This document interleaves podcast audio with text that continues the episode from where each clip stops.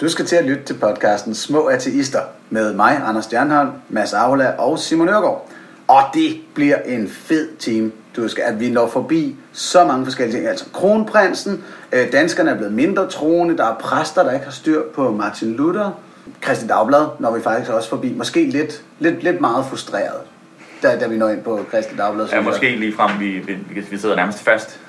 Ja, men det der vendt den anden kendt til, det er heller ikke vores Nej, det gider vi ikke. Så øh, det må I tage med. Ja, og så er der altså en ny mand i podcasten, Simon Ørgaard. Ham skal I glæde jer til at møde. Velkommen til Små Ateister.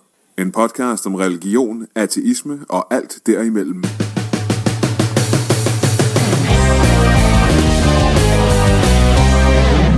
Velkommen til Små Ateister, din religionskritiske guide til livet, universet og alting. Så starter vi som sædvanligt arrogant. Sådan, så, øh, så er stilen lagt. Ja, i løbet af 60 minutter, så bør vi have det hele afgjort, hvordan det alting hænger sammen, og så er vi over religion. Er det det, der er målsætningen? Det er målsætningen. Når de her 60 minutter er over, så øh, er Godt. vi færdige med Gud. Hvorfor gå efter mindre? Mit navn er Anders Stjernholm. Øh, Jeg er formand for Ateistisk Selskab og en komiker og sådan en, der siger sin mening om ting. Og med mig som sædvanligt er øh, Mads Ahola, hverdagsfilosof. Er det ikke Ja. den titel, vi har på dig? Jo, det er det, vi kalder mig indtil videre. Bare fortsæt. Og så har vi en ny mand øh, med i den her podcast, Simon Ørgaard. Yes. Hvad, hvad skal vi kalde dig? Ups. Det, det ved jeg ikke. Øh, tidligere troende, velovervejet ateist. Ja, Det må man sige. Du, du har den mest aktive stillingtagen til religion. Nogen af os, jeg kan prale af i hvert fald. det er selvfølgelig rigtigt. Hvis I siger det så. Kan vi snurre det ned til et ord? Velovervejet. Eller til et ord. Det er, Knap så vel over. det er konvertit. Ja, det Ja. må det jo blive. Det må jo blive noget af den stil, ja. vi, vi, det kan være, vi skal brygge på, ja. Hvad din øh, eksakte podcast... Ex-fundamentalist. There you go. Ex-fundamentalist Simon Ørgaard. Øh, og i den her podcast, der drøfter vi jo altså øh, hele den religionspolitiske og religionskulturelle debat, øh, ud fra selvfølgelig det ateistiske perspektiv. Vi er alle sammen ikke troende ateister. Mads er godt nok medlem af Folkekirken, ja. Men det behøver man jo ikke at tro for at være. Nej, det, det er faktisk meget nemt. Bare man lægger pengene, så... Bare man lægger pengene. Det er til synligheden øh, helt okay. Ja. Men vi har tænkt os at drøfte nogle af de øh, aktuelle ting, der er i debatten omkring religion i Danmark lige nu, og, og prøve at fordybe os lidt undervejs. Og så vil vi naturligvis også gerne have, at I lyttere giver os input til, hvad vi skal tale om, og, og hvad I har af tanker. Fordi der er nogle af de ting, vi kommer til at tale om, hvor at vi faktisk heller ikke er på plads med holdningen, og hvad skal vi egentlig gøre? Ja. Vi, vi øh, øh, forbeholder os retten til stadigvæk at være åbne over for argumenter og beviser og øh, alt, hvad der i øvrigt rimeligvis bør få folk til at skifte holdning. Øhm, Mm. Og lad mig starte der, fordi der er gode nyheder. TV2 har i anledning af Luther-jubilæet fået foretaget en undersøgelse af Megafon, som viste, at andelen af religiøse mennesker i Danmark er faldet vanvittigt meget. Og til gengæld er ikke troende steget, hvilket jo er ret naturligt. De to ting bør nogenlunde kunne opveje hinanden. og der, så er der alle dem, der, man kan altid svare ved ikke i sådan nogle undersøgelser, er det ikke sådan noget? Jo, jo, jo, men det fede er, prøv at se her, ikke? Det var i 2011, de øh, havde en tidligere undersøgelse, der var 53% troende på en eller anden måde. Og så nu i 2017 var det tal nede på 37. Det er ret lavt. Det er et fald på 16 procent, ikke? Op. Tilbage i 2011 svarede 31 procent, at de var ikke troende, og nu var det tal op på 48 procent. Altså en stigning på 17 procent. 16 og 17, de to tal er tæt på hinanden. Det er faktuelt understøttet, det jeg siger. Det må man sige. Så, så undersøgelsen er dejligt valid her. Der er virkelig bare øh, 16-17 procent af danskerne, der har skiftet hold. Og, og det er sådan, jeg kan jo ikke lade være med at sidde og tænke, åh, oh, 2011, jeg tror det var det omkring, jeg begyndte at skrive nogle ting inde på en perifær blog og sådan noget. Åh, oh, det, jeg vil godt tage en lille smule af æren af det her. er lige dig. Kan, Kan ikke give det? et golfklap? Åh, oh, tak. Det, Men det virker da i hvert fald som om, det nytter at stille spørgsmål på busser og have en debat om, hvad, hvad tro er for en størrelse, om den egentlig er relevant for den enkelte. Ja, og det- jeg, jeg, jeg synes, det der, det der er karakteristisk er, at hver eneste gang man stiller de der relevante spørgsmål, så er der øh, typisk fra, fra kulturlivets øh, side, så er der en, alle dem, der gerne vil stille sig op og kalde det hysterisk, og kalde det aggressivt, og kalde det øh, alt muligt, når, øh, når man bare stiller det simple spørgsmål. Hvorfor tro på en Gud? Altså i virkeligheden, hvorfor rykke væk fra nulhypotesen, som det Mm. hedder sådan rent videnskabeligt set. Det er nulhypotesen. Vi antager ikke, der er en Gud, så hvorfor tror du på en Gud? Men det, altså selv det er, er stødning, og så, skal man, så bliver man anklaget for alt muligt. Og det man hører i medierne, som lad os sige en menig lille artist, øhm, det er jo så alle dem, der er ude og beskylde artisterne og religionskritikerne for at være forsimplede og højtråbende og alt muligt. Så det er det mediebilledet siger. Og nu siger tallene så noget andet, at der sidder en masse mennesker, som hver eneste gang det der spørgsmål bliver stillet, og hver eneste gang den debat bliver taget, ikke synes, det er særlig stødende, synes, det er ret interessant, og lader sig inspirere til rent faktisk at skifte holdning. Eller også så har vi skiftet holdning helt på egen hånd. Det, gør, det bekræfter jo også det, som jeg i hvert fald går og mistænker, og som mange jo tænker, at de fleste danskere, der er medlem af Folkekirken, de er jo et eller andet sted de facto ateister. Men det er bare ikke noget, der sådan er særlig fint at, at sige outspoken, altså direkte ud i, i, i atmosfæren og, og udtrykke det. Og det er ligesom blevet mere legitimt nu, i hvert fald kan vi se, at uh, der er altså flere, der tør melde melde åben ud, at de ikke tror på noget. Ja, men her skal vi jo så passe på, ikke? fordi det, de har svaret i den her megafonundersøgelse, er, at de er ikke troende. Og der, som du siger her, vi møder utrolig mange mennesker, som har travlt med at sige, at jeg tror ikke på noget, men jeg er ikke ateist. Ja. Som om, at der ligger noget mere i begrebet ateist. Ja. Ja. Og, og det seneste var det Andreas Bo, som var med mm. til Gudløs Torsdag med ateist i selskab. Han havde lidt svært ved at tage ordet i munden. Og jeg sidder og, diskuterede med andre, der også lidt, nej, nej, nej, nej, det er altså, det er altså ikke. Og man er nødt til at sige, "Jamen, tag lige min test. Tror du på Gud? Nej, så er du ateist. Hvad? og det, det er ikke slemt. Men det er som om folk tror, at nu har de fået et eller andet stempel, som Jamen, det er nok fordi, de forbinder af. med øh, ateisme som med de politisk aktive mm, ja. ateister, ikke? Og dem er der nogen, der kan have forkærlighed for. De kommer jo også i mange forskellige øh, afskygninger, ikke? Eller mange forskellige udgaver. Og det vil de ikke, der, der vil de ikke hen, ikke? Men, altså, man er jo ateist, hvis man ikke tror på noget. Altså, Ja. øh, og så kan man være mere, mere eller mindre politisk aktiv. Altså jeg havde en, øh, en, en, en tysklærer i 9. klasse, Flemming Frud, er ret sikker på, han hed. Og han Godt fortalte sådan en mor, morsom anekdote om, at han havde været i Israel. Og øh, der skal man jo have et pas, hvor ens identitet ligesom bliver angivet. Øhm, og, og han var ateist, men fordi han kom fra Danmark, så i hans øh, israelske pas skulle der altså stå, at han var kristen ateist. Altså modsat en jødisk ateist. og det er, vel, det er vel lidt det, der er på spil, ikke? Altså, at, at, at, at der er hele den der, øh, de, det der identitetsfællesskab, som folk har svært ved at lægge fra sig, men de er stadigvæk ikke troende. Ja. Øh, og så er det jo så, apropos det her med identiteten og fællesskabet, så er der jo så sket det, at det ikke bare er den menige dansker, der er blevet mere ikke-troende. Kronprinsen har øh, været ude med en ny bog, hvor i han taler om, at hans tro på Gud er lidt øh, hen af, jeg skulle til at sige, Mads Arhulas. øh, han siger sådan, at hvis, Øh, Jeg kan ikke lade være med at jeg, jeg er simpelthen nødt til at citere, fordi jeg synes, det er lidt sjovt. Han taler om sig selv lidt i tredje person, hvilket mm. nok er en erhvervsskade. Ja, det må det være. Skulle far få spørgsmål om Gud, når børnene bliver ældre, vil han nok prøve at forklare det ud fra en øh, religionshistorisk baggrund, siger kronprinsen. Hvorimod, hvis de spørger når, som børn, som de er lige nu, så vil han bare sige ja, at han tror på Gud. Øh, og det her med, at øh, han vil forklare det fra en religionshistorisk baggrund, det har jo selvfølgelig fået øh, alle mediers favoritpræst, Serine Godfredsen, til at se rødt. og altså, det her det er så for politikken, der af en eller anden grund synes, det stadig er relevant at ringe til Serine, hvilket irriterer mig grænseløst. Øh, men der er selvfølgelig også nogle lidt mere fornuftige stemmer, der synes, at det, det skal kronprinsen bare have lov til. Men det er en lidt sjov diskussion. Helt sikkert. Folkekirken har i, kron, i, i dronning Margrethe en rigtig god ven, som har en personlig, stærk tro og virkelig går til forsvar for folkekirken og lutheranismen og sådan noget. Og så har vi kronprinsen her, som er en mere fesen kulturkristen af en art. Ja. Må han godt være det? Jamen Nej. altså, det, nej, det må han jo ikke. Altså, som jeg læste Sorine, eller der har været andre kritiske stemmer fremme også, at øh, man kan jo ikke tvinge, og ikke engang øh, kronprinsen kan man jo ikke tvinge til noget, men han er jo den eneste ud over dronning Margrethe, de er de to eneste i Danmark, der er tvunget til at være medlem af den evangeliske lutherske folkekirke, fordi de er jo øh, altså overhovedet.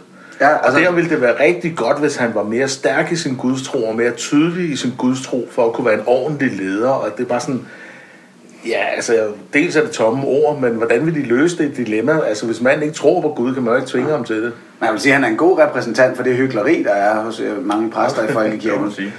Jamen altså, alle de der præster, der ikke tror på Gud, eller på genopstandelsen og så videre, de kan da i hvert fald øh, spejle sig i kronprins Frederik.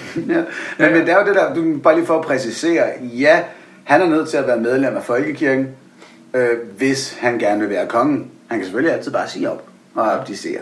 Men det tror jeg ikke, han behøver. Fordi at øh, der, der, der har de jo altså, opfundet det her øh, begreb, nu kan jeg lige så godt bruge det. Øh, det, er jo, det, er jo, det vi bliver udsat for, det er jo myten om den sofistikerede teologi. At, øh, at, at hver eneste gang man peger på, at han er ikke så troende, han er ikke så troende, men han siger jo selv, at han er troende. Og så, kommer, så, så, så flokkes teologerne om at, at konstruere en eller anden idé om, hvad tro er, der kan inkludere den, øh, den vælsindede, den, den ikke-troende, den skeptiske, den et eller andet. Men, men har du ikke et eller andet, du en gang imellem ligesom føler er større end dig selv? Og så siger man sådan, hvem fanden siger nej til det? Ja, der kan du bare sige, der kan du bare sige, det er Gud, ikke? Altså, det, det, det er kun et spørgsmål om at, at, at, at bruge mere sofistikeret teologi, så før eller siden, så er man troende, ikke? Altså, at ud, nu siger du sofistikeret teologi, er det det samme som bare udvande troen? Ja, det tror jeg. Mm. Altså, det er derfor, jeg kalder det myten om den sofistikerede teologi. Fordi hver eneste gang, man er ude med religionskritik, så er der jo altid nogen, der siger, at det er sådan lidt platfodet version af religion, du står og kritiserer der. Ja, okay. Jamen, det er den klassiske, det er det klassiske, klassiske religiøse argument, at øh, altså, du havner altid ved Gud på en eller anden, under en eller anden form, uanset hvad du mener. Mm. Ja, øh, hvis altså, du styrte ned med et fly, og dine testikler var på vej til at falde ud af på, ja. og sådan noget, så vil du også tænke på Gud. og det er det, og ateisten om, så er du alligevel troende, altså blevet hele tiden malet op i det der hjørne, der, ikke? Altså, hvis du tror på det, så er det der, men hvis du ikke tror på det, så er det der nok alligevel. Ellers så er du Gud fornægter. Igennem, ikke? Ellers så er du Gud fornægter. Ja. Mm. Altså, det, er jo, og det er jo den eneste der, øh, definition af ateisme, de vil øh, acceptere øh, inden for den skole af teologi. Ikke? Det er, at man decideret fornægter øh, en, en, en Gud, som jo i øvrigt er, er ubenægtelig i, i, i det verdenssyn. Ikke? Men Den de vil jo så stadigvæk mene, at så er du bare Guds modstander, men så ved du stadigvæk godt, at Gud eksisterer, du er bare imod ham. Ja, eller frygter det, eller vil ikke åbne op for det, ja. eller et eller andet. Ikke? Nå, men jeg vil da gerne give et lille props op, et, et lille sjældent props op til kronprinsen for at udtale sig nogenlunde klart om noget, som måske kunne, kan være en lille smule kontroversielt. Ja. Eller tilstrækkeligt klart, uklart, ikke? Altså, ja, ja. han er faktisk gået ud og giver en uklar altså, melding. Det er jo... øh, han står der i hvert fald ikke og siger øh, helt klart, at han tror på Gud, og Gud er vigtig for ham, ligesom hans mor gør. Mm. Nej. Yes. Øhm, og så lad os gå videre til en anden, hvad jeg egentlig synes er en god nyhed. Øh, det er jo 500 år siden, at Martin Luther han smed sine teser op på kirken i Wittenberg. Mm. Wittenberg. Tak. Øhm, og det blev fejret her, især her den 31. oktober, som er den dag, man mener, han gjorde det. Og jeg kunne godt lide, da jeg, jeg sad op... Halloween. Men jeg tror for de fleste var Halloween lidt, så... Øh, jeg kunne godt lide, da jeg hørte Folketingets fejring, at både Pia Kærsgaard og dronningen og Lars Løkke faktisk inkluderede i deres taler, at Luther var en lidt kontroversiel fyr. Og at han også var en lidt skidt fyr, når det kom til jøder og muslimer, og hvad han tænkte om kvinder og sådan noget der. Øh, og Lars Lykke gik faktisk så langt som at sige, at jeg har brugt meget af året på at understrege øh, de negative sider af Martin Luther. Og der, jeg har let en smule, men jeg er ikke verdens bedste researcher, så hvis du sidder og lytter til den her podcast og ved, hvor Lars Lykke har sagt de her ting, så må du meget gerne sende mig et link. Jeg har ikke set det. Øh, men det var som om, at, at her i løbet af året, så har vi, så har vi lykkedes med den Luther-kritik øh, igennem øh, blandt andet den hjemmeside, der hedder Luther 2017, og Jens André Herbner og Frederik Stjernfeldt har været ude og, sådan, og tale meget om det her.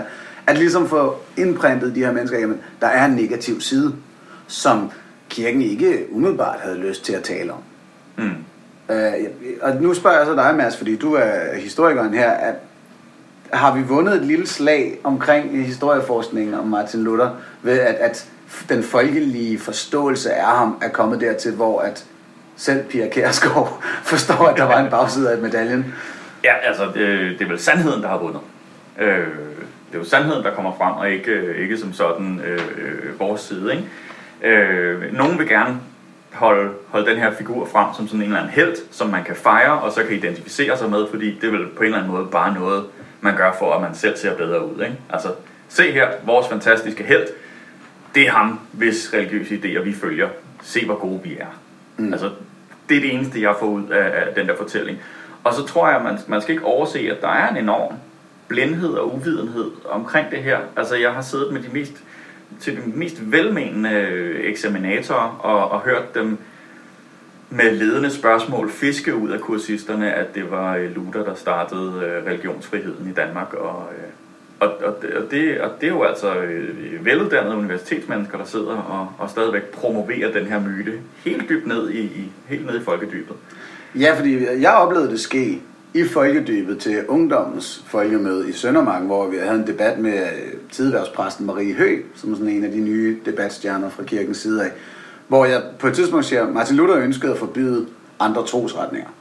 Og hun kigger på mig og siger, det er forkert, Anders. Foran en flok teenager står hun og kommer med påviseligt forkerte udsagn om Martin Luther i, i historisk kontekst. Ja, prøv lige at høre. Jamen, det er fordi, du siger noget, der er forkert, Anders. Jo, lad mig tage fat. Hvorfor ønsker Luther at forbyde andre religioner i Danmark? Luther har ikke ønsket at forbyde andre religioner i Danmark. Luther har sagt, at øh, troen kommer igennem det, der høres, og man bliver retfærdiggjort af tro. Så men det her det er rigtig fint. Nu har vi et faktuelt spørgsmål. Små ateister. Øh, øh, jeg, jeg finder det jo sådan lidt absurd, at der står en præst der og ikke kan sine ting. Men så er det jo heldigvis, at vi har Martin Luther selv. Fordi jeg har, øh, jeg, jeg, jeg har forberedt mig lidt, og øh, jeg vil godt indrømme, at selvom øh, du siger, at jeg er historiker, så har jeg altså ikke gjort andet end at gå ind på Øh, luther-2017.dk og fundet øh, de citater, der, der står på forsiden der. Øh, men de står altså også med fine, kulder, øh, hvad hedder det, fine øh, henvisninger og årstal. For eksempel, så siger han, jeg, Martin Luther, dræbte alle bønderne under oprøret, for jeg beordrede, at de skulle slås ihjel. Alt deres blod er på min skulder, men jeg henviser til vores Herre Gud, der havde befalet mig at sige det. Det er, ikke, det er da fantastisk, øh, øh, øh, altså, fordi det der fundamentalismen, præcis som, som skrækbilledet er af fundamentalismen. En person, som har Gud på sin side i en grad, der gør at vedkommende fuldstændig uden at blinke er villig til at beordre folks død. Yes. Og det kan være, at du lige skal hjælpe os lidt, Mads, hvis man nu ikke er helt på plads med, hvad bundeoprøret var, og, og de her krige, der kom efter, øh, Ja. Eller Altså- i forbindelse med reformationen. Det, øh, det var en periode i det hele taget, hvor der var øh, mange nye idéer på spil, fordi øh, den katolske kirke tydeligvis var korrupt. Så der var øh, allerede øh, social uro, og den katolske kirke var ligesom en af de ting, der var med til at holde, holde ro i, i samfundet, også fordi den nogle gange kunne tjene som, faktisk som, som modvægt til kongemagterne, kunne nogle gange sætte kongemagterne lidt på plads. Typisk ikke over ting, der havde med menneskerettigheder at gøre, mere teologiske spørgsmål. Men et af udslagene af den uro, der ligesom var i samfundet i det hele taget, var, at der var et større bundeoprør i, i Tyskland. Og, øh, og da det bundeoprør så nærmede sig nogle af, af Luthers støtter, af de fyrster, som husede ham, så var han altså ikke sent til at gå ud og sige, at de skal bare slås ned som hunde. Tror jeg, at det, det, det, det berømte citat. Der er også andre ting, nu ved jeg ikke om, øh, hvordan Marie Hø øh, ser sin egen rolle i samfundet, men hvis hun er kvinde, så skal hun vide, at man ser også, hvor svage og usunde de ufrugtbare kvinder er, mens de som frugtbare er sundere, renligere og lystigere. Men skulle de blive trætte og til sidst dø af at føde børn, så skader det ikke. Lad dem blot dø af at føde børn. Det er derfor, de er her. Så altså, Sådan. Gud har en mening. Altså, det er altid alt, rart at have en veldefineret op- arbejdsopgave foran sig, det kan man sige. Ja. ja. Yes. Det er en stor ting faktisk omkring øh, ledelse af frivillig arbejdskraft. Der er sådan lidt sørg for, at folk ved præcis, hvad deres Ja, ja. arbejde består af. Og der må man godt se, den, det kan Luther godt finde ud af lige at snævre ned for dem. Men nu har vi jo ikke talt om religionsfrihed endnu. Fordi når han bliver promoveret, så er det jo fordi i den periode i det hele taget, så blev der rykket lidt ved de religiøse autoriteter. Og den bevægelse var Luther helt bestemt en del af. Han var bare hverken den første eller den bedste øh, fortæller for den bevægelse. Øh, der, hvis man har lyst til at læse mere om det, så skal man læse om øh, en gut som for eksempel Erasmus af Rotterdam, som er meget berømt. Øh, men der er også væsentlige andre tænkere, øh, som var langt mere humanistiske i deres tilgang. Og Så var du siger, så du siger, at der var folk før Luther, der sagde, at der behøver ikke at være en mellemmand mellem dig og Gud. Ja, og de sagde også mange andre ting, altså omkring kirkens autoritet, og omkring, øh, altså de, de, de havde temmelig radikale tanker, nogle af dem, men det er klart, der var ikke grobund for alt for radikale tanker i den periode, for det var en meget religiøs tid. Mm. Øhm, men det Luther han så kommer ind med, det er bare en ny form for fundamentalisme. Fordi da han endelig har magt, som han har agt, så siger han ting som, man burde brænde paven, hans lærer og alle tilhængere af den, øh, alle tilhængere af den med ild.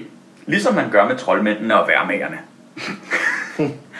altså, der er, ikke, der er ikke meget plads til, til anderledes tænkende. Ikke engang andre kristne, hvis de, hvis de er katolikker, øh, er der plads til. Og man skal jo ikke, altså, han siger, man burde, han siger ikke, gør det.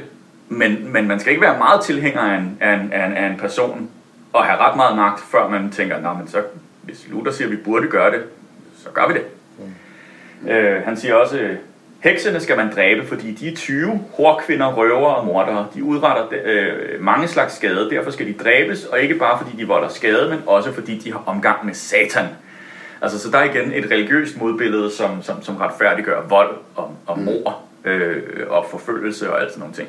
Og det er bare ikke, altså, man, man kan ikke få det til at rime med noget, vi vil genkende som religionsfrihed.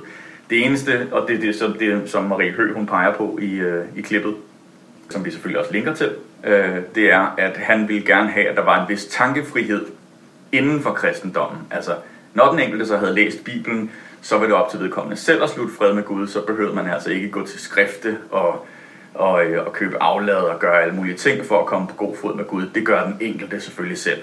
På baggrund af Bibelen og mm. kun inden for en kristen kontekst, naturligvis. Og det, Nej, vil du sige noget, Simon? Det var bare lige øh, det der med hekseafbrændinger, altså det er noget, jeg har lært. Altså langt de fleste hekseafbrændinger faktisk i Danmark er foregået efter reformationen. Der er ikke foregået en eneste før. Øh, og det, jeg tror, de fleste måske henskriver det til en middelalder.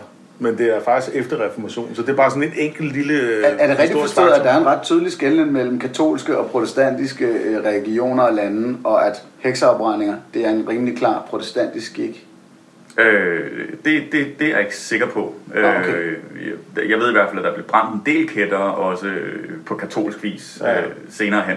Men det var bare ikke noget, man gjorde særlig meget i middelalderen. Der, der hængte man folk. Øh, halshuggede dem. Øh, altså, man sparede på brændet. Man, man sparede lidt på brændet, ikke? Men, men, øh, men, men, men der kom sådan lidt mere show øh, og gang i den efter, øh, efter reformationen, fordi vi skal huske, øh, den katolske kirke blev også reformeret. Altså, den, den var blevet lidt afslappet og lidt afdæmpet, og sådan måske lidt prins frederik øh, på det tidspunkt. Det handlede mere om magt, end det handlede om tro. Mm. Øh, og, og, og den havde måske ikke behov for øh, lige så meget øh, show omkring sin øh, styrken i sin tro på det tidspunkt. Det fik den så, så den reformerede sig også. Øh, og, og det kan sagtens have været med til at ligesom puste til, til den her ild omkring, at det skal være skrækindjagende at se en henrettelse. Det skal ikke være, det skal ikke være vant. Det skal mm. være en, en, en frygtelig ting. Uh.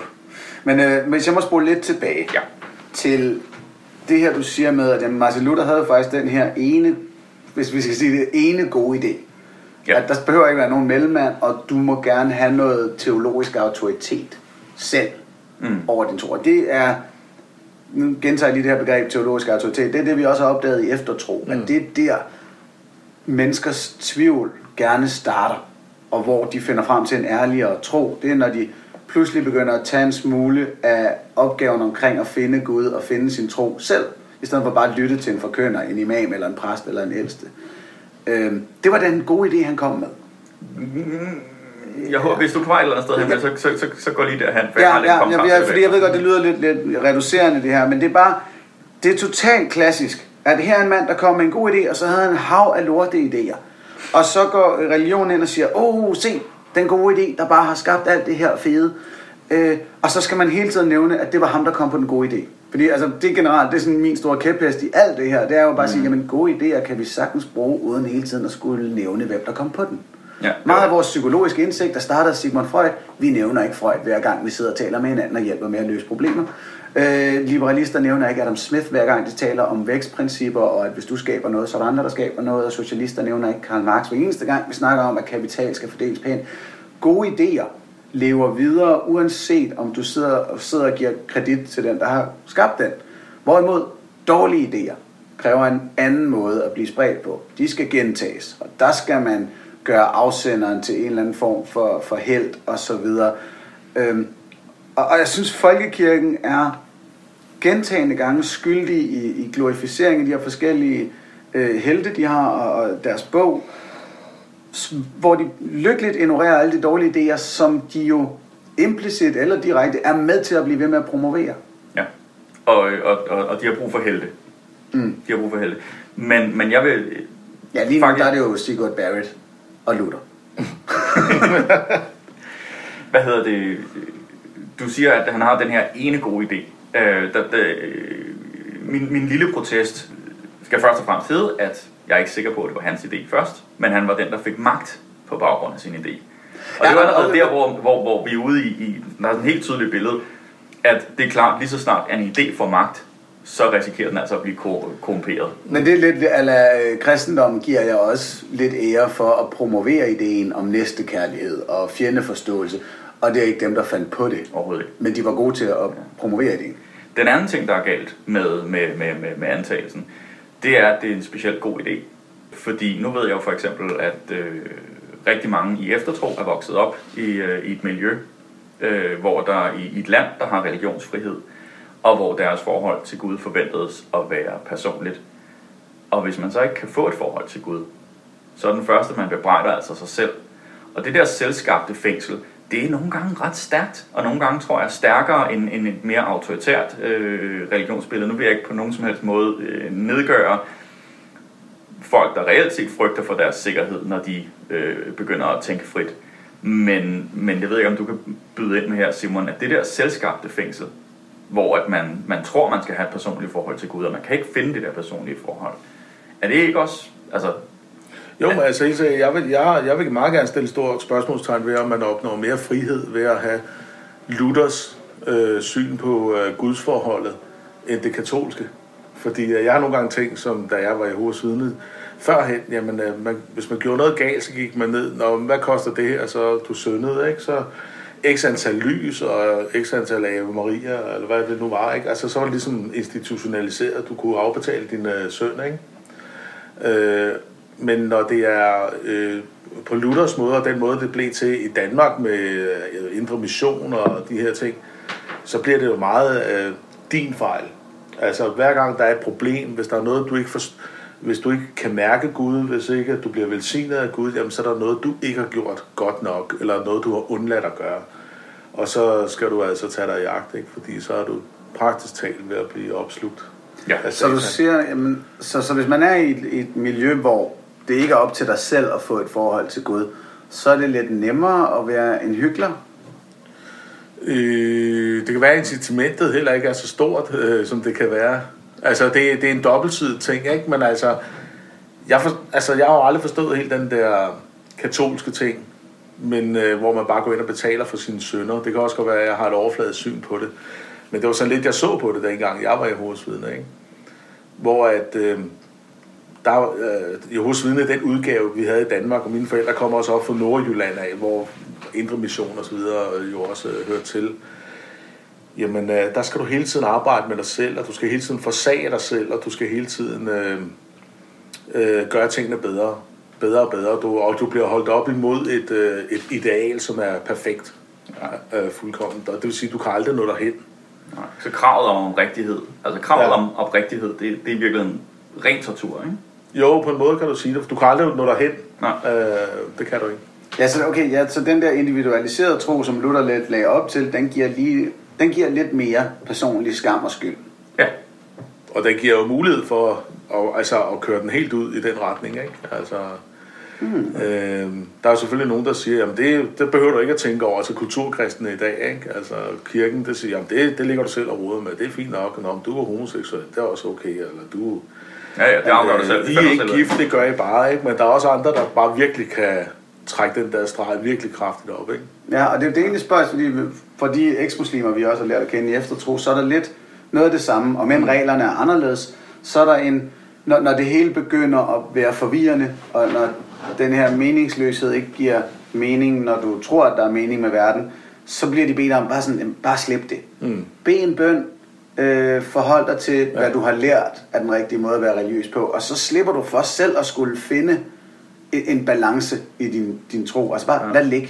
Lad se færre religiøsitet. Ja, ja, Lad lad være med at spise, det. lad være med at spise svinekød, bed fem gange om dagen, eller kom i moskeen en gang imellem og sådan noget, og så, så, er, der ligesom, så er det okay. Så er du en god muslim, uanset hvad du så egentlig personligt føler. Ja. Er det det? Ja. Men der var, der var en foredragsholder, det er sådan et citat, jeg bruger en gang imellem. Han sagde, at når folk de ligesom går på en uddannelse og lærer at tænke kritisk og tænke selv, så begynder de at tvivle på deres tro, og de begynder at tro på deres tvivl. Og så nej, det er jo dumt. Altså, du skal da tvivle på din tvivl og tro på din tro, ikke? Altså bare øh, glem al kritisk tankegang. Glem dine egne instinkter.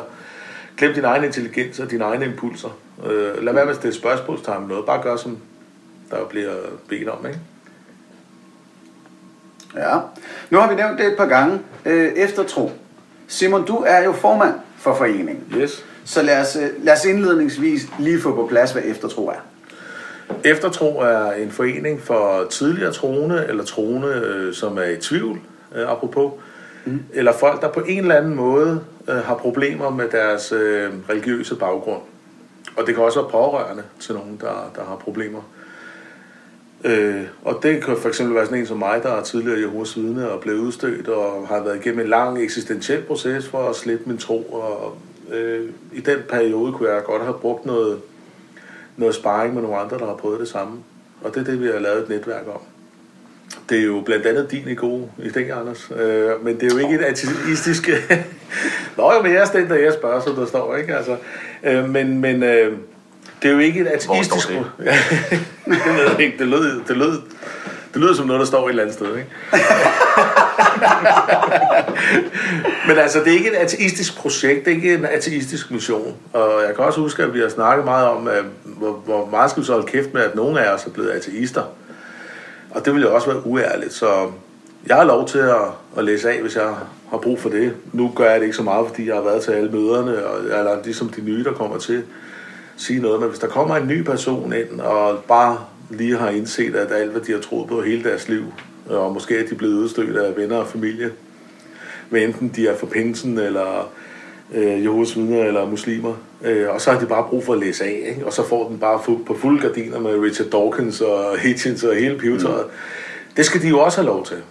Ja. Og der er andre, der skal have lov til at sige, at jeg tror faktisk stadigvæk, og jeg tror stadigvæk på, at der er noget derude, og jeg vil ikke hen derhen, hvor at, øh, jeg bliver ateist og tror på, at der ikke findes en Gud. Det skal de også have lov til. Og i hvert fald fagne hele den proces, de så er i der. Ja, og det skal ikke med den der første type, fordi det var også noget af det, vi ligesom så, dengang vi gik i gang med at udvikle på ideen til eftertro, at der var et behov for. Fordi der er nogle utrolig vrede ateister derude, og de er ganske ofte tidligere troende.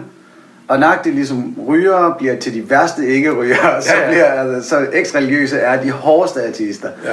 Ja. Øh, og det ser vi jo rigtig meget blandt eks-muslimer lige nu, at, at de kan være sådan helt utrolig øh, hårde i, i retorikken, og i, vi skal gøre sådan her, sådan her. Mm. Og man sådan, jamen, det har vi prøvet med kristendom i en to, 200 år nu, og vi skal lige finde en lidt, lidt blødere vej, ellers så går den ikke. Ja. Ja. Og jeg, jeg prøver selv på det i min øh, kommunikation, dels øh, i eftertro, men ellers også øh, andre steder, når jeg er ude som ateist, øh, at prøve at lægge lidt bånd på mig selv, øh, for ikke kun at tale til dem, der er enige med mig i forvejen, men måske for at prøve at sætte nogle tanker i gang hos nogle andre. Og der bliver man måske nødt til at være lidt mere afbalanceret, men ellers er jeg fuldstændig øh, arketypen på den øh, øh, halvnazistiske ikke-ryger, der omvendte ikke-ryger, ikke? Altså, Hvor der er bare... fan kom det nazistiske Nå, nej, men altså det der med, dem der bare er fuldstændig, øh, hvad hedder det sådan noget, der skal ikke være en cigaret inden for 100 meters omkreds af mig, ikke? Altså, Ja, så er altså. de bare nogle idioter og sådan noget, ikke? Hvis du ser et kors, reagerer du som en vampyr i 50'erne. Ja, okay. Øh, så, så på den måde er jeg ikke ude i et projekt med at latterliggøre øh, øh, religiøse mennesker overhovedet, fordi jeg forstår selv, hvad det vil sige at være religiøs. Men jeg anser det, som jeg selv er gang i, for at være et informationsprojekt, og det er eftertro jo i virkeligheden også. Mm. Øh, Udover at det er et socialt projekt, så er det et informationsprojekt. Og, og, og en, en vigtig krølle på det er, at det har givet enormt meget, at vi ikke kun er eks Jehovas vidner, eller eks-mormoner, eller eks-muslimer. Men at vi sidder der fra vidt forskellige øh, baggrunde, og så kan vi alligevel nærmest en til en genkende hinandens historier. Og det sætter virkelig nogle tanker i gang hos folk, Ja. øh, hvor de efter et eller to møder, helt tilfældige møder eftertro, det er jo ikke fordi, vi er atomfysikere, eller er blevet øh, uddannet i psykologi, eller noget som helst. Det har bare vist sig, at det virker at sætte folk sammen i et rum, hvor de kan tale frit og trygt. Ja, Jamen, og det er jo også det, som jeg elsker lidt ved eftertro, fordi nu har jeg ikke selv nogen personlig øh, religiøs baggrund, men jeg elsker at forstå mennesker bedre. Mm. Og eftertro har været fuldstændig fantastisk til at forstå, hvordan holdninger skabes, og hvordan de ændres, og hvor hård den proces er. at ændre nogens mening, eller selv ændre mening til et eller andet. Og, og hele den der indsigt omkring, at religionerne er relativt ens i deres måde at indprinte et, mm. et særligt verdensbillede eller livssyn i dig, er forrygende. Ja. Og, og især synes jeg, det har været vildt interessant at tale med folk fra Scientology. Ja. Og forstå, at det her er bare en religion, hvor alle knapperne er skruet op på 11. Mm. Og bare det hele er nagelfast, og den sociale kontrol er fuldstændig øh, nedskrevet i sine regler og accepteret af alle osv. Det er helt forrygende. Fordi det giver, det giver den der Volvo af, af sådan standarden for, hvor, hvor, hvor, hvor effektivt kan du gøre det her. Det, referencen er, at Volvo er den mest sikre bil i Ja, verden, så det, det, er ja. det er titallet på skalaen. Mm. Og Scientology er bare titallet på religionsskalaen, fordi de har lavet det helt perfekt med, at du bliver så fristet af den indledende filosofi omkring dianetik og forståelsen af psykologi, og så lige pludselig på det helt rigtige tidspunkt bliver du præsenteret for the woo-woo, mm. for, for overtroen, at du har rumvæsener inde i kroppen. Og det er så på et tidspunkt, hvor du er så investeret i, i filosofien, at du accepterer det, det, det- transcendentale. Men det ser du jo også ved for eksempel Jehovas vidner og andre, at øh, når der kommer nye interesserede ind til et møde, ikke? det gælder jo om at tage så godt imod dem som muligt og være interesseret i dem, og så, så de virkelig synes, det er et rart sted at være, og invitere dem med hjem, og altså det der sociale. Ja. Øh, fordi det påvirker meget lettere, end at øh, de pludselig skal til at tage stilling til alle mulige religiøse ting, men det kommer så bare hen ad vejen. Ja. Så, så, så det er sådan set lige, ligegyldigt, hvad religionen egentlig byder på, men den byder på noget socialt, og så byder den på nogle helt faste rammer, nogle helt faste ting, nalfaste ting, som man kan holde sig til, sådan så man kan slappe lidt af og ikke selv behøver at tænke så meget. Og det er jo tiltagende for mange mennesker, at lige at få kridtet banen af, og så skal du bare holde dig inden for de hvide streger, ikke? Så hvis vi lige jammer lidt her, ikke? Jeg ved ikke helt, hvad det skal bruges til, men hvis, vi, hvis man lige skal skære opskriften på at gøre et menneske religiøst, så byder man altså ind med, med en social kontekst, der er rar at være i. Mm. Hey, velkommen. Øh, mormonerne er jo også super pimps til det her. Mm. De er så glade for at se dig. og, og, og så skal du byde på en indsigt, som er rigtig. Mm. Det er sgu lidt vigtigt, ellers så køber folk ikke til at starte med. Og samtidig en indsigt, som er, er afslappende at få, fordi den lige pludselig forklarer en masse. Altså, hvor dianetik går ind og forklarer fuldstændig, hvorfor du er den ene eller den anden personlighedstype, og, og kristendom går ind og forklarer, hvorfor du er et skidt menneske, og hvorfor du ikke kan lade være med at onanere. Det er fordi, du, Ja, du er fordi du, du er nemlig inde på et punkt, altså en selvstændig bullet point der, at øh, du skal forstå, hvorfor du har det skidt. Når mm. du er deprimeret, når du er alkoholiker, når men du er usikker, du har angst. øh, Du, altså, hvorfor har du det sådan? Og så kommer dianetikken ind med deres øh, bud på det, eller Jehovas vidner og siger, at det er arvesynden. Og hvis jeg må nævne... Men vi har løsningen på, hvordan vi kan gøre dig til et helt og Ja. lykkeligt menneske. Og hvis jeg må nævne min personlige favorit, buddhismen, i den her forbindelse, hvor at, jeg vil våge at påstå, at Buddha han var en genial psykolog, som bare går ind og finder ud af, at glædesfølelse er enormt midlertidig. Når du har fået noget nyt, så er du super glad, men der går kun et par uger, så er du fuldstændig tilbage på samme niveau igen. Og, og dermed, at, at al din lidelse, al din nedtur kommer af dit eget begær. Og hvis du først forstår det, mm. at det er kun fordi du stræber efter noget, at du er bitter over ikke at have det, så får du det langt federe. Og netop det der med, så når har du solgt indsigten til et menneske, han går og tænker, ej, I har fuldstændig ret i, at sådan her er det da, livet fungerer. Og så er der en social ramme, du er blevet sat i, du har fået nogle venner. Og så, det er jo et eller andet sted, man skal finde ud af, hvornår er han eller hun, det her individuelle menighedsmedlem, der hvor at nu kan vi komme med, med the gibberish. Mm. Du er forresten genfødt, og du bliver genfødt igen. Ikke? Det er buddhismen og hinduismen, der lige går ind og siger det der, Scientology. Og kristendom går ind og siger, at det er fordi, du har en synd i dig, som vi så kan vaske ud gennem, at du bare lige tror på det, vi gerne vil have. Og her er kirkebøssen forresten. Øh, at man, det handler om at vente til det rigtige tidspunkt. Ja. Ja. Der må være sådan et point of no return, Ja. ja. når man konverterer folk. Det er jo interessant. Øhm, jeg, jeg kunne godt tænke mig at holde, øh, holde fast på den der med, at du siger, at hvor stort et match der er. Og det er virkelig også det, du taler om, Anders. Ikke? Det er det der med, at der er sådan en eller anden, der er næsten en fremgangsmåde. Og det er jo ikke fordi religionerne har gennemtænkt den her fremgangsmåde. Nej. Det er fordi de religioner, der ikke har brugt den rigtige fremgangsmåde, de er selvfølgelig døde ud, fordi mm. de har ikke fået nye medlemmer. Men du kommer så, og, I, og jeres medlemmer kommer fra en, øh, fra en, fra en, fra en stor gruppe af forskellige religioner, som har meget ens fremgangsmåder. Og det er jo det, der gør hele studiet af folk i eftertro interessant. Ikke? Mm. At, at, at, at det er så ens. Og det synes jeg bare er sjovt at kæde til det der den eneste, at, at, hvad hedder det, at den anmeldelse, der så kom af bogen i, øh, i Kristelig Dagblad, øh, den bog, som du skrev om eftertro, at den eneste kritik af selve bogen, der var en del kritik af dig som person. Det, er Det kan man sådan mene om, hvad man vil. Øh, det, Jeg tror ikke, han var så vild med Anders Stjernholm. Nej, det, Ja, det- Det var sådan en fornemmelse, man fik. Ja, det- det, det I folkeskolen vil jeg også tro, at det var et halvt kærestebrev, der var blevet skrevet der. Ja, men, øh, men det han så rent faktisk kritiserer ved selve bogen, er, at historierne er så ens. Ikke? Og det er jo i virkeligheden et spørgsmål om fuldstændig at mis hele pointen. Fuldstændig. Fordi det er netop pointen, at det er så ens. Man har ikke brug for at proppe ekstra historier ind i den der, fordi det handler bare om at underbygge og understrege. Og det er så skægt, at han synes, det var et problem, at historierne var ens, fordi i starten af anmeldelsen sagde han, at det var dybt flabet, at jeg sammenlignede Scientology og små sekter med store verdensreligioner. Jamen, det kan det jo netop, når vi kigger på den enkeltes oplevelse. Men hvis jeg må spole tilbage, øh, og det er ikke fordi, jeg ikke synes om, at det handler om mig, men den her proces, hvis vi skulle konvertere et menneske til en religion, der er give en indsigt, give en social ramme at være i, så på et tidspunkt rammer personen point of no return, hvor du kan smide the woo-woo ind. Og sige, her er helt overtroen. Så når du skal dekonvertere nogen, så har de jo som oftest en eller anden grundlæggende tvivl på the woo-woo. Der er noget i, i hele verdenssynet og, og eksistenssynet, som ikke giver mening. Simon, du kunne ikke forstå, hvor- hvordan der kunne være regnbuer, når nu det var Gud, der lavede dem og sådan der. Alle har et eller andet. Ja. Og det de frygter er jo, at hvis de tvivler for meget, så rammer de point of no return, og så skal de til at finde indsigt og social ramme uden for deres religiøse fællesskab. Øh, Det som, som man i fagtermer ligesom siger, der er det der, hvor opportunity cost bliver klart for vedkommende. Jamen hvis jeg begynder at tvivle for meget på alt det her woo-woo, så risikerer jeg at være ensom, og så ved jeg ikke, hvordan jeg skal navigere i verden, fordi så, så ryger den indsigt, som jeg jo egentlig synes var fornuftig. Så hvis man skal dekonvertere nogen, så er det ret vigtigt at understrege, jamen den gode indsigt, som du har fået fra den her religion, du har været i, eller er i, den må du gerne beholde.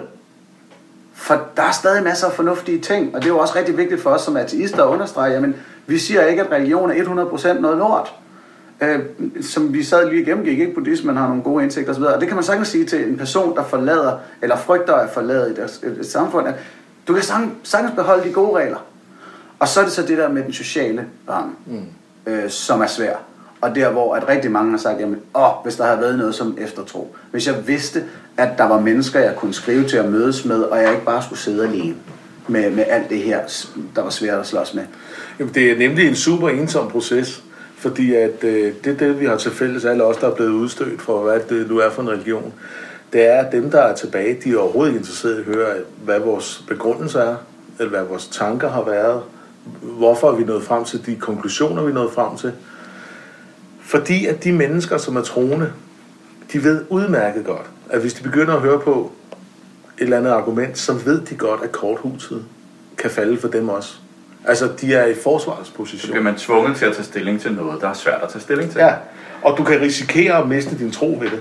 Så Ja. derfor bliver man også advaret imod at lytte til øh, apostater, er det ikke det, det hedder? øh, altså, og, øh, Farisere. og vi har jo lige, også vi har lige, vi har lige haft et eksempel med det, hvor at vi fik en, øh, en, en fra eftertro til at gå ud i et tv-program i forbindelse med den her undersøgelse, vi har været inde på tidligere på TV2.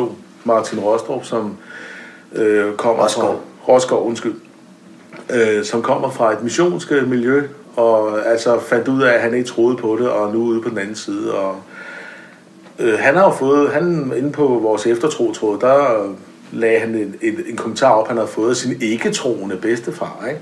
som egentlig bare siger til ham, det er egentlig dårligt format, og det er ringe, og det må du jo selv om. Altså bare bebrejder ham og er nedladende. Men på intet tidspunkt er interesseret i at høre om, jamen Martin, hvad er det, du øh, egentlig tænker på? Mm. Men, men der vil jeg så, Så- så påstå, at det er en lidt anden mekanisme. Det er egentlig bare en, en, en mand, der har en lidt patriarkisk tanke om sin familie, og nu er der nogen, der bryder med, med noget af status quo. Men han ved også godt, at det, det kan, øh, altså hele familiemønstret, øh, eller hvad, hele menigheden kan jo blive opløst, hvis folk begynder at tænke på den måde. Ja. Altså, så de anser det nærmest som noget toksisk, altså en giftig, øh, altså en basile, som skal ud af menigheden. Det er også derfor, man udstøder. Øh, det, det er jo for at holde menigheden ren øh, fra, øh, fra åndelig øh, uhumskhed. Men, men, men rimer det ikke rigtig godt med det, som, som jeg også var inde på i starten, med at hver eneste gang, der er nogen derude og kommer med en valid kritik af religion, eller bare peger på, at folk forlader folkekirken, folk holder op med at betragte sig selv som troende, at så øh, det kor, der stiller op, og dem, som medierne fokuserer på, er alle dem, der gerne vil forsvare status quo. Og det gør de så ved at komme med alle mulige anklager om, at, øh, at det, som du gør, det er småligt og ateistisk og er dårlig stil og Ja, alt sådan noget. noget. Ikke? Ja. I stedet for at interessere sig for de mennesker, som jo er en større og større gruppe, der rent faktisk tager stilling. Ikke, ikke bare fra at være passiv ateist til at være aktiv ateist, men fra at være troende til at være ikke troende, og, til at, øh, og, og på et eller andet tidspunkt der undervejs naturligvis også er religionskritisk. Men der er så godt som ingen interesse for de mennesker i medierne. Mm. Altså, så selv medierne har den der, øh, vil gerne forsvare status quo på en eller anden underlig subtil måde. Jeg tror, at de fleste, hvis du jeg har, jeg har jo snakket med nogle øh, danskere, som jeg sige, de er totale ateister. Altså de facto. De tænker ikke på Gud, de tænker ikke på kristendom, men de er alligevel med i folkekirken, og det er jo meget rart. Det er, altså, man tør ikke at klippe den der navnestreng over. Mm. Og det ligger bare så dybt i vores Status Status kulturelle DNA. Hvis jeg bare lige må sige en ting. Øh, den her frygt for at øh, gå ind på den tankegang, eller på noget kritik, den, den kommer jo helt op til, uanset hvor stort tro, trosamfundet er, og hvor udvandet deres religion er. Øh, de har selvfølgelig nogle øh, andre sanktioner end Jehovas vidner, som er mindre og mere fundamentalistisk, men med vores buskampagnen sidste år med tre uskyldige spørgsmål, som var åbne spørgsmål, der stod på nogle busser, godt nok i forbindelse med udmeldelse til DK, ikke? Ikke rigtigt. Nej. Der var faktisk ikke længe til udmeldelse. Nej, nej, men det, der var noget tidsmæssigt, der gjorde, ja, det, ja, Ja. Det, ja men, men prøv lige at se, hvordan de får frem, nogle af præsterne øh, og politikere, og altså harceleret, altså Jamen, harceleret og, og sagde, at vi mobbede folkekingen. Og- og prøv at fordi de ved godt, det er farligt. De ved godt, det er farlige tanker, og deres job er i fare. Men der, selv- der er noget instinktivt, som han ikke Ja. engang bare handler om organisationen Folkekirken, eller om religion, eller noget som helst. handler om status quo. Mm. Den handler om, hvordan verden er lige nu. Mm. Øhm, for at drage en parallel, så er der noget, der hedder borgmestereffekten, nu hvor vi har øh, kommunalvalg. Kommunalvalg. Og det er, at den siddende borgmester får altid herre mange stemmer. Og det er uanset om det går af helvede til i kommunen eller ej. Og det er simpelthen bare fordi, de fleste mennesker har en indbygget evne til at sige, at lige nu går det meget fint. Mm. Hvem er det, der sørger for, at det går meget fint? Jamen det må være ham, der sidder der, eller hende, der sidder der. Vi ved, hvad vi har, vi ved ikke, hvad Vi kan skide godt lide, hvad vi har. Mm. Altså, og det er lige så, man sådan, altså hvis du lossede nogen i nosserne hver morgen for at vække dem, så vil de stadig stemme på dig som borgmester, fordi det kunne være, at den nye losser mig to gange. Ja. Ja. Måske også losser mig i søvn.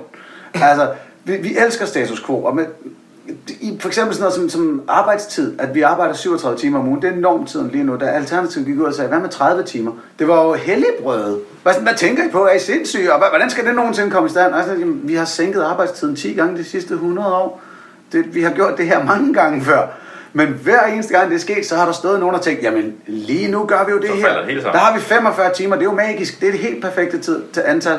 Det, det er så sindssygt, så ivrige vi er efter at forsvare status quo. Mm. Og det, det behøver ikke engang at have noget med religion eller folkekirken, der vil forsvare sig at Ja, gøre. det er du ret i. Det tror jeg, du var helt ret i. Ja, ja, altså selv agnostikerne er jo ude hver eneste gang og, og himler op om, at øh, fordi I har sat det her, øh, hvad var det, hashtag tænk selv, sammen med hvorfor tro på en Gud, at øh, så diskursivt, så er det en øh, ganske særlig form for subtil fornærmelse, der i virkeligheden antyder, at alle er dumme, og derfor er jeres kampagne naturligvis fundamentalistisk ateisme.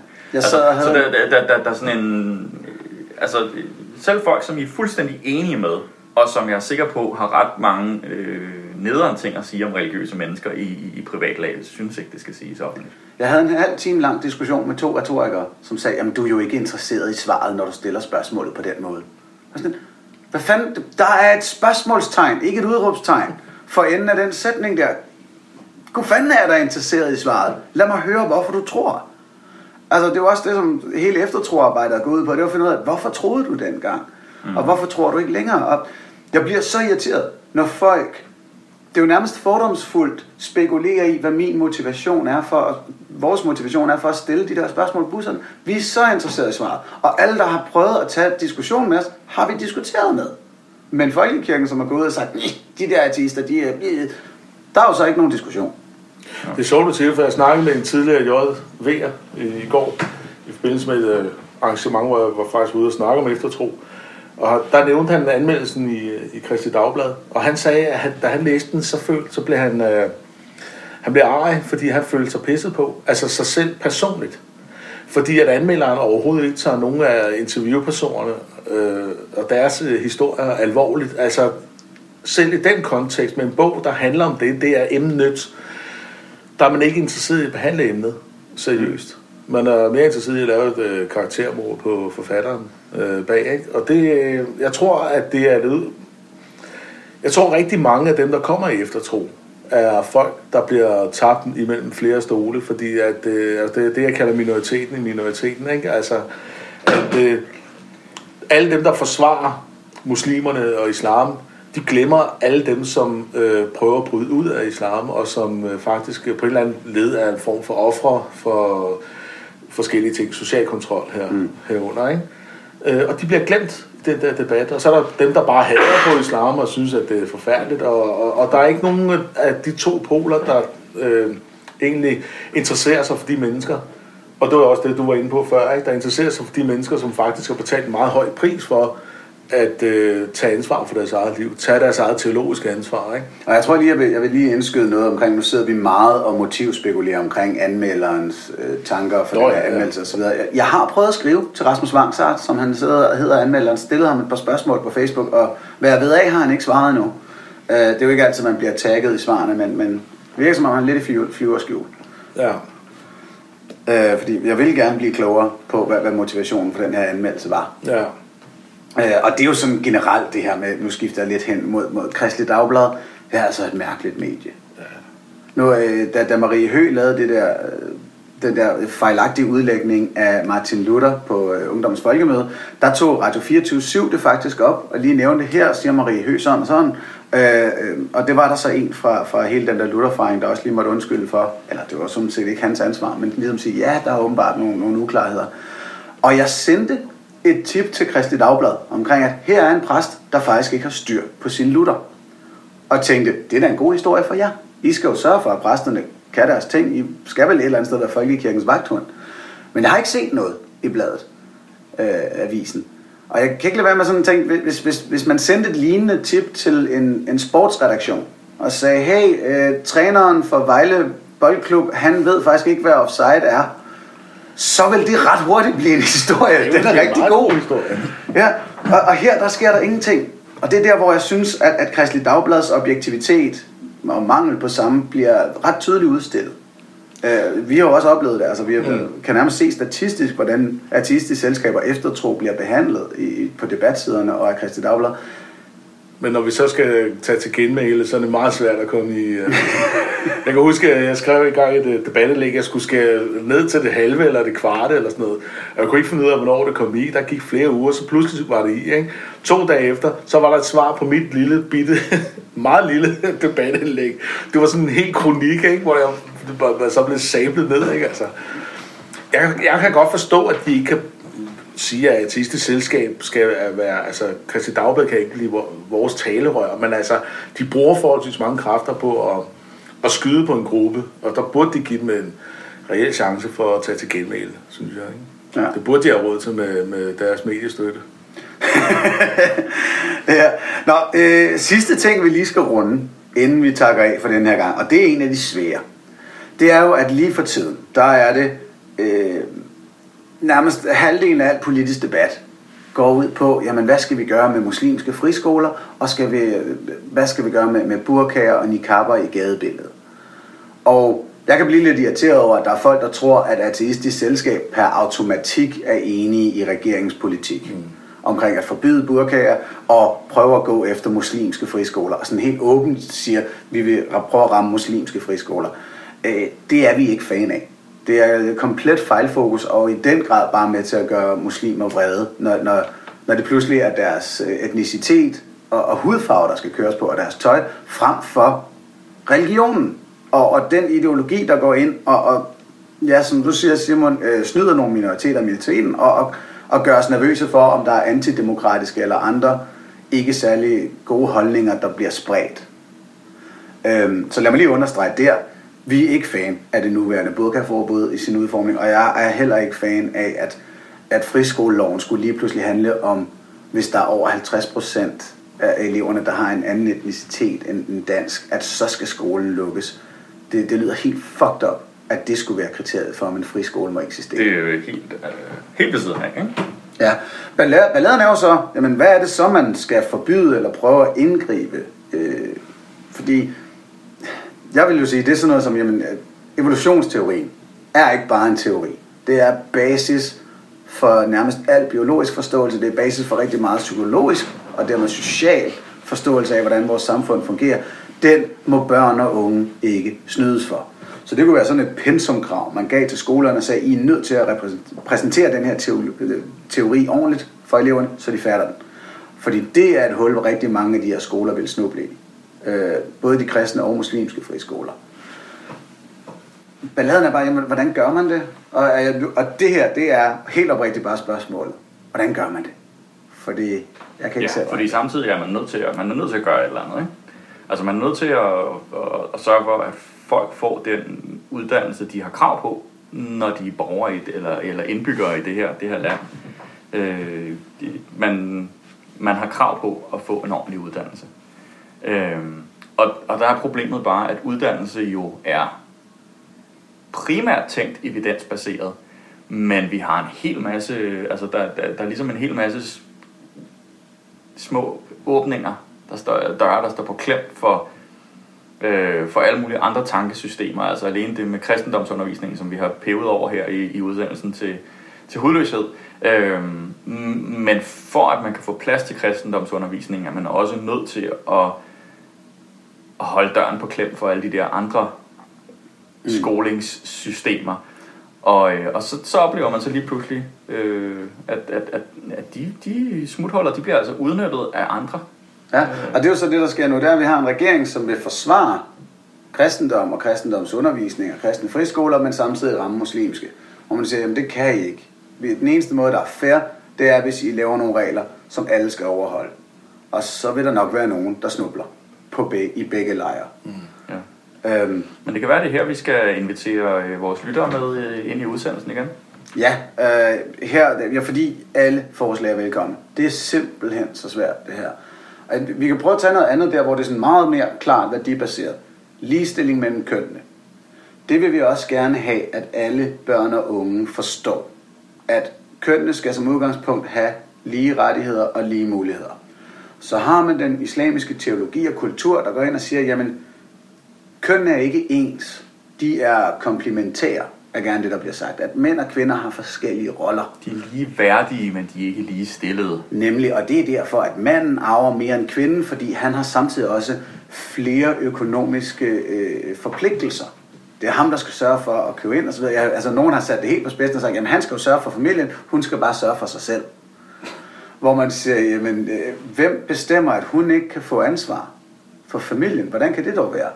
Altså, hvor man siger, jamen, det, det kan vi mås- måske så ikke og bør ikke holde muslimske friskoler fra at lære deres elever.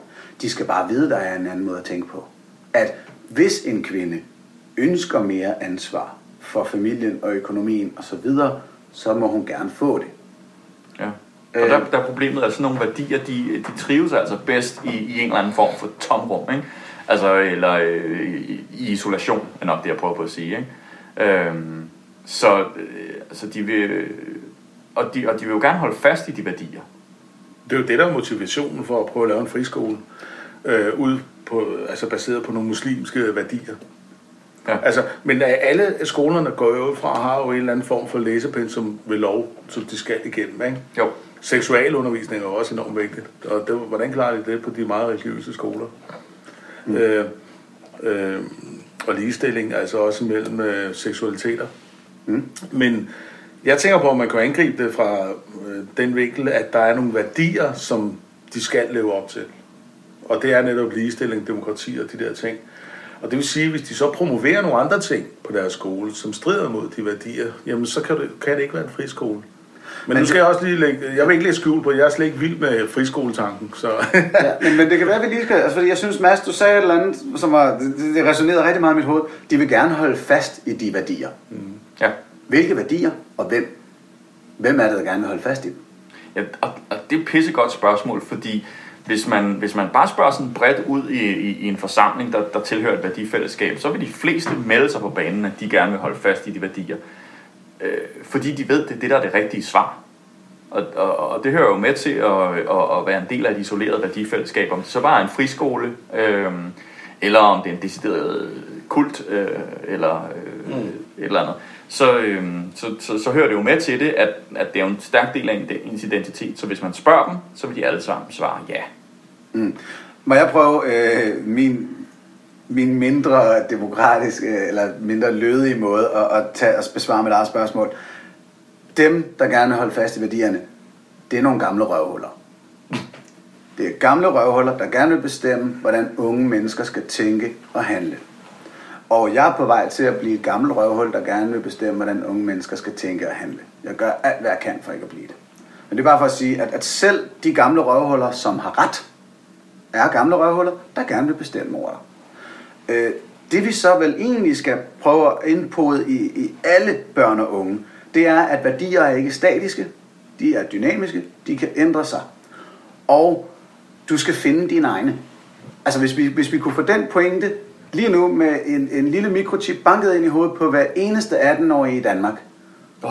så vil jamen, så, så vil vi være et helt andet sted. Hvis de bare sagde, nå, jeg kan selv, og nu skal jeg sortere i, hvad, hvad I har af input, og hvilke værdier jeg kan vælge Ej, at følge. Nej, nej, nej, nej. Du synes, det er farligt? Nej, jeg mener, jeg mener faktisk, at, at lige præcis den tankegang baner jo netop vejen for øh, stærkere værdifællesskaber. Fordi hvis du, hvis, hvis du sender folk ud og siger, nu skal du bare selv finde ud af det, øh, det er sgu usikker grund at stå på, og så, så kan man altså risikere at have sig fast i det første, det bedste, mærkelige tilbud med titaner. Okay, du skal holde inden for friskoletanken, ikke? Fordi jo, jo. at øh, hvis, altså, hvis, øh, hvis det er som Andersen siger, nu går jeg bare lidt med på den, jeg har ikke tænkt over det på den måde før, men hvis det er som Anders siger, at de skal altså sige, at der er forskellige måder at tænke på, og der er ikke nogen værdier, der er statiske, så kan de jo ikke samtidig promovere en facitliste, som er dybt kristen eller dybt øh, islamisk. Det er et eller andet sted, så, så, Så, vil jeg så sige... hvis man gjorde det, ville man jo kunne lukke de fleste religiøse friskoler i Danmark med det samme. Ja, altså, det ville det jo føre til, det ville jeg synes var en fin ting. Ja, og jeg, jeg er slet ikke faktisk ude i at tænke jura og lukning. Det kommer til, altså lad os se, vi, vi tog samtlige 18 år i Danmark, satte dem i en dejlig stor sal, og så forklarede vi dem lige et par ting. Og så sagde vi, godt, alle, næsten alle voksne er enige om nogle helt basale ting. Du har ret til sådan her, sådan her, sådan her. Samfundet bør være øh, demokratisk på en eller anden måde, sådan så alle bestemmer. Og sådan, det, det er de idéer, vi nu igennem øh, 300.000 år som, som menneskelig race er blevet enige om, de holder. Øhm, og der er så enkelte, der, der går ud fra dem. Ikke? Og det er så FN's menneskerettigheder, sådan set. Og så ligesom sige, dem skal I vide findes. Og at I sådan set ikke er forpligtet til andet, end at finde jeres ståsted inden for den her utrolig brede ramme. Og så er der så nogen, der ønsker at fortælle jer, at deres lidt snævrere ramme er fed. Og vi sidder også med en lidt snævrere ramme, hvor man siger, hey, der, der findes nok ikke guder, så det behøver du ikke at bekymre dig om, osv. osv.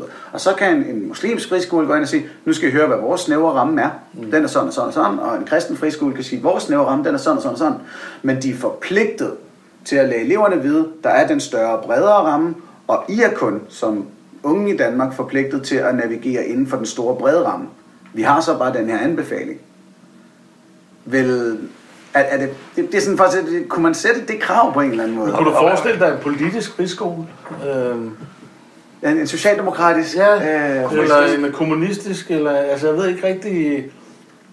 Man ville jo ikke synes, det var rart i folkeskolen, hvis øh, man gav nogle prædikanter lov til at komme ind og forkynde. Og jo, det gør de jo nu, altså i kristendomstimerne, men altså... Nej, men, men du har ret, man vil ikke, altså hvis, hvis, du, hvis, en hvis, eleverne skal, ideologisk, øh, hvis eleverne skal lære om politik i folkeskolen, så kommer der en ind fra rød og blå side, der man Præcis. sender ikke bare enhedslisten ind og fortæller dem om, hvordan kapital hænger sammen. Nej, nej. Eller LA på en, en, en eller anden Hellerup skole. Selvfølgelig ikke. Og vi vil finde det absurd. Ja. Og det er jo det er jo det er en rigtig lækker analogi, fordi Ja. på samme måde er det absurd, at, at Ja. de kun skal have én religion. Ja. Men, det er noget, men altså, jeg indrømmer også blankt, og det kan, der kan være mange forskellige. Jeg er ikke vild med friskoletanken. Det der, hvor, hvorfor er det fedt at være os selv? Der var en, der sagde, at vi skal have friskoler, fordi det der, det passer lige forældrene, det passer lige dem. Nå ja, det passer lige dem. Og så kan de være sådan nogle øh, egocentrikere, der bare ligger der og laver deres egen lille klub. Altså, jeg kan bedre lide folkeskoletanken, må jeg indrømme. Men altså, jeg bryder mig jo heller ikke om påbud og forbud og den slags ting. Nej. Så det er jo et dilemma. Så det er jo en god ting, vi lægger det ud til lytterne, altså, fordi øh, vi, vi, vi er vel også enige om her i, i podcasten, at, at vi er åbne over for, at vi selv kan være i tvivl og, Bestemt. og det er jo- det er dilemmaer, ikke? Så det vi egentlig lægger ud her, det er, hvordan får vi nogenlunde konkret stillet nogle krav til friskolerne, som gør, at vi kan stole på, at de unge mennesker, der kommer ud derfra, har en idé om deres valgmuligheder. Men nu ved vi jo, vi, vi ved, at vi også har for eksempel kristne lyttere og lyttere, der er uenige med os. Altså, øh, det vil vi jo sindssygt gerne høre fra, fordi jeg tror, at øh, jeg tror også, de fleste øh, religiøse lyttere øh, er med på, at der er et dilemma, der er en eller anden form for problematik, som skal løses eller øh, forholdes til. Øhm, og spørgsmålet er, om det ikke ser nogenlunde ens ud i virkeligheden fra vores perspektiv og fra deres. Det kunne jeg godt tænke mig at finde ud af. Nå ja, ja. Så lad mig lige øh, tage en ekstra en op. Øh, burkaforbuddet. Og det er ikke selve det burkaforbud, der er nu, fordi det, jeg ved ikke, om det hjælper. Øhm, og det tror jeg måske ikke, det gør, fordi lige nu der bliver- er reaktionen i hvert fald så hård. Men det her med at forbyde burkaer eller tørklæder, er jeg kommet til at tænke nyt om, og det egentlig har jeg ikke været fan af tanken overhovedet, men igennem eftertro er der, er der nogen af vores eksmuslimske øh, veninder nu, som ligesom har sagt, jamen dengang jeg gik i skole, der drømte jeg om. Altså, der er virkelig en, der sagde til mig, jeg håbede sådan på, at DF ville få magt nok til at indføre et tørklædeforbud i danske skoler, så jeg ikke behøvede. Hun virkelig ønskede, at det fra Christiansborg skulle bestemmes, at hendes far ikke kunne bestemme over hende. Hvor sådan noget kan jo bringe mig i tvivl. Og sådan, mm. Er det så det, vi er nødt til at gøre? Er vi nødt til at sige, at skolerne er fuldstændig sekulære og kører lidt fransk på den? Øh, det, det der lyder til, det er, fordi det, det er sådan, den franske lovgivning er omkring. øh, Ja, vi skal lige have lidt kontekst der. Ja, det vil, ja. Øhm, hvor, hvor, hvad tænker I? jeg er det samme sted, at jeg er, jeg har været meget fundamentalistisk imod øh, et decideret tør, tørklædeforbud. Jeg er lige så meget imod et tørklædeforbud, som jeg er imod burkaer og tvungen religiøs påklædning.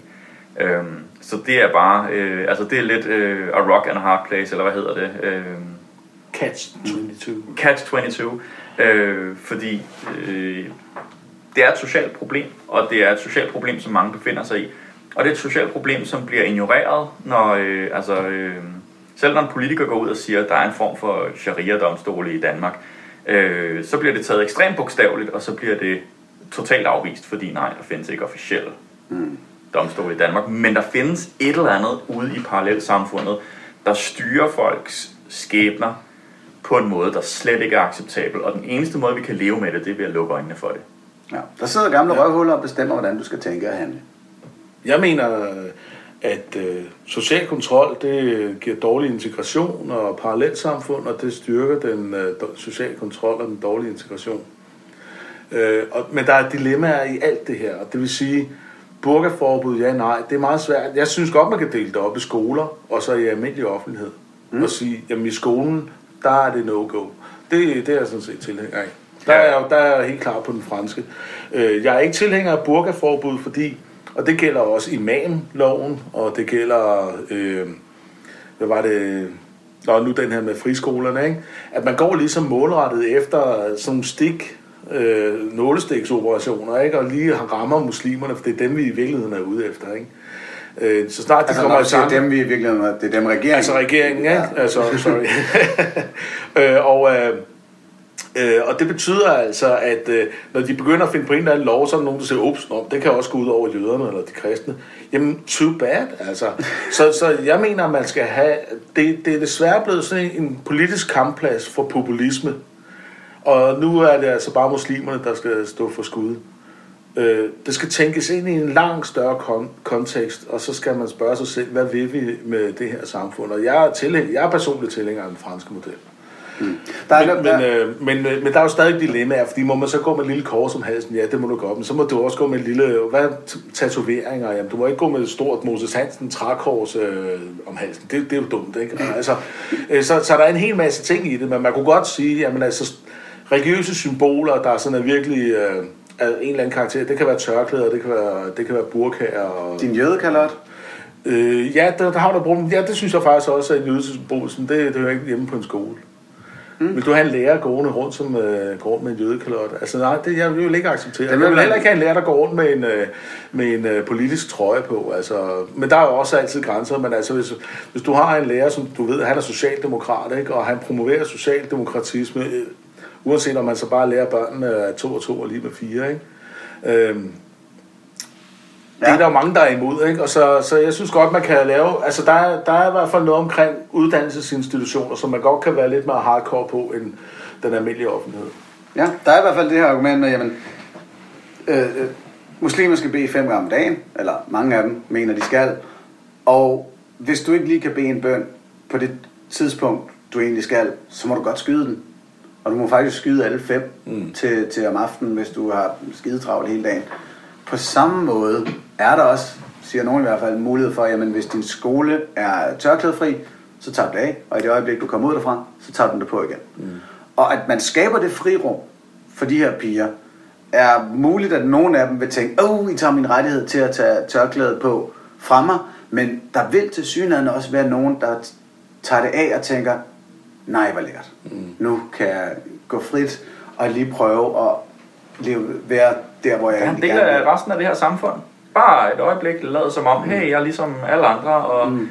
og det, vi, vi skal være så individualistiske, men det der sgu da også en frihed i nogle gange bare at sige, øh, Ja, nu er jeg, ligesom, nu er jeg lidt mere mainstream, og, øh, og, og, og det kan jeg ikke prøve af på andre måder end det. Jamen, jeg, jeg ser det også som, at der er fælles spilleregler, og det gælder alle. Og nej, du bliver ikke diskrimineret, fordi du ikke må gå med burka nede i skolen eller tørklæde. Nu, lad os nu lade være med at tage de ekstreme eksempler. men Altså, fordi du ikke må, må gå med tørklæde i skolen. Det er ikke at dig, der bliver diskrimineret. Det er bare nogle fælles regler, vi har. Ja, Og dem så har du ellers Klan må også lade lanet ligge Ja, ja. Det, og så kan de tage det på, når de kommer hjem. Ikke? Det er jo et stort problem, kan vi forstå på, var det Markus Knudt, der var, eller Janne Jørgensen, der kom til at snakke om øh, Om Ku Klux Klan. øh, der. Men, men, øh, men så, så at indrette samfundet på den måde med nogle helt fælles spilleregler, er jo den eneste måde, vi kan undgå, at nogen faktisk bliver diskrimineret.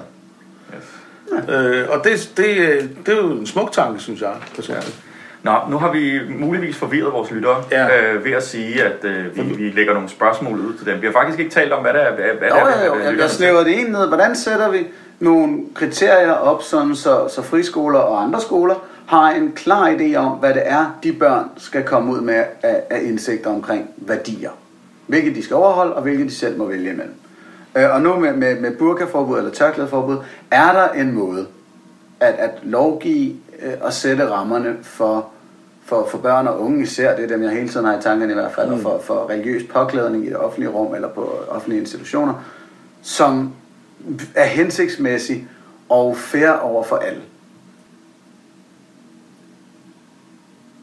De her spørgsmål, dem kan du, hvis du sidder derude med svaret og kan give os det, så øh, gå ind på vores Facebook-side, Små Artister, S-M-A-A, hvor vi øh, gerne tager en hver debat, men hvor vi virkelig gerne vil have jeres input. Smid øh, svaret på, hvad skal vi gøre med friskolerne, hvad skal vi gøre med, med burkaforbud eller tørklædeforbud, er der en måde at gøre det på, så vi kan tage dialogen derinde. Og så, hvis du alligevel har hævet computeren frem og skrevet ind på små artister, så kan du også lige gå på iTunes og smide en, en anmeldelse af podcasten her. Og fortælle os, om vi er nogle hatmager, eller om vi har fat i noget. Ja, jeg behøver ikke vente. I kan gøre det nu. Så øh, pause. Du har knappen foran dig. Du kan trykke på pause. Og så kan du gå ind på iTunes, og så kan du lige give nogle stjerner. Bare en enkelt, det er fint. Vi, vi, vi meget. Og, Nu lyder du helt desperat. og, øh, og en anmeldelse, og, øh, og, og, og fortæl os, hvad I synes. Og, øh, og lad, os, øh, lad os høre fra jer, fordi det, det hjælper os udsendelsen. Så hvis, hvis du har hørt med så langt, så går vi ud fra, at du kan lide det. Og øh, hvis du kan lide det, vi laver, så kan, vi, så kan du gøre noget for os den anden vej ved at, at gå ind og give os noget konkret feedback. Det sætter vi rigtig meget pris på. Nu har vi så givet lytterne lektier for, så er det også mest fair, at vi også får det. Yes. Så sådan til næste gang, Simon, hvad vil du pønse på?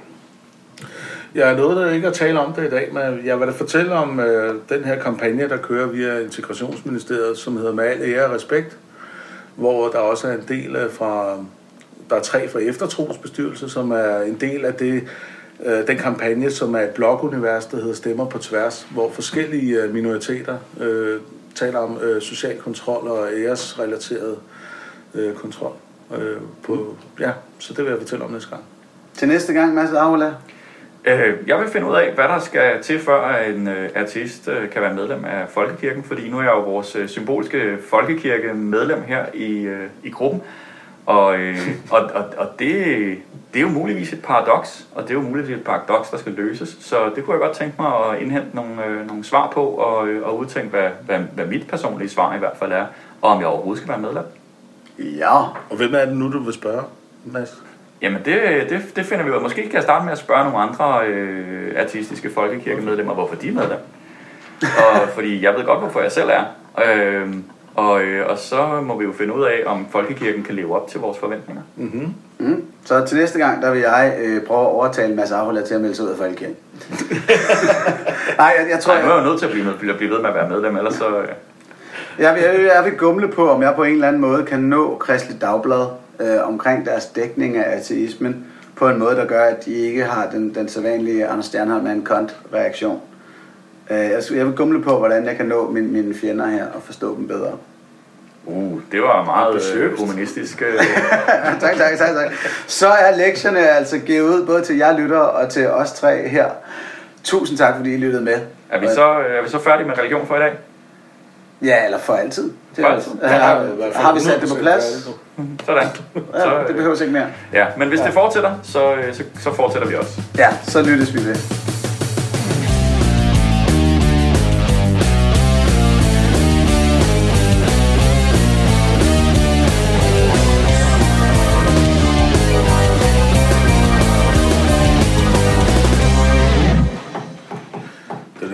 Der søndagskvistning. Jeg konfiskerer lige den her til væk fra så meget Det er jeg ikke med på.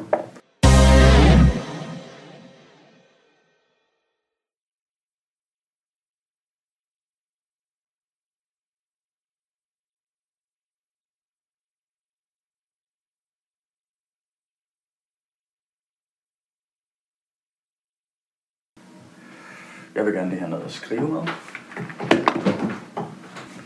Er det kun Anders, der kan klikke. God. Det, Ja, ja. og Anders skal nok prøve på at lade være. ja, og selv hvis du gør, så det Hvad skal du lade være med? at klikke. Åh oh, ja, det er jeg selv slemt til. Det kan jeg ikke med den her. Ja, det er smart. Men min far engang fortalt om en, en retssag, hvor at, at dommeren lige pludselig stoppede. Og så sådan, øh, øh, anklager, det blev sådan en ung anklager, min far var op imod. Kan, kan du ikke lige komme her? Øh, og tage din kuglepen med. Så, skal vi ikke bytte med min blyant? så bare fordi han har siddet sådan her. Jeg har selvfølgelig været nervøs, fordi han var ung. Og, ja, ja, ja. Det var super flabet. Men Men meget fint. Meget fint, fordi ellers så vidste han, så skulle han ikke i rettet sætte ham en gang mere. ja,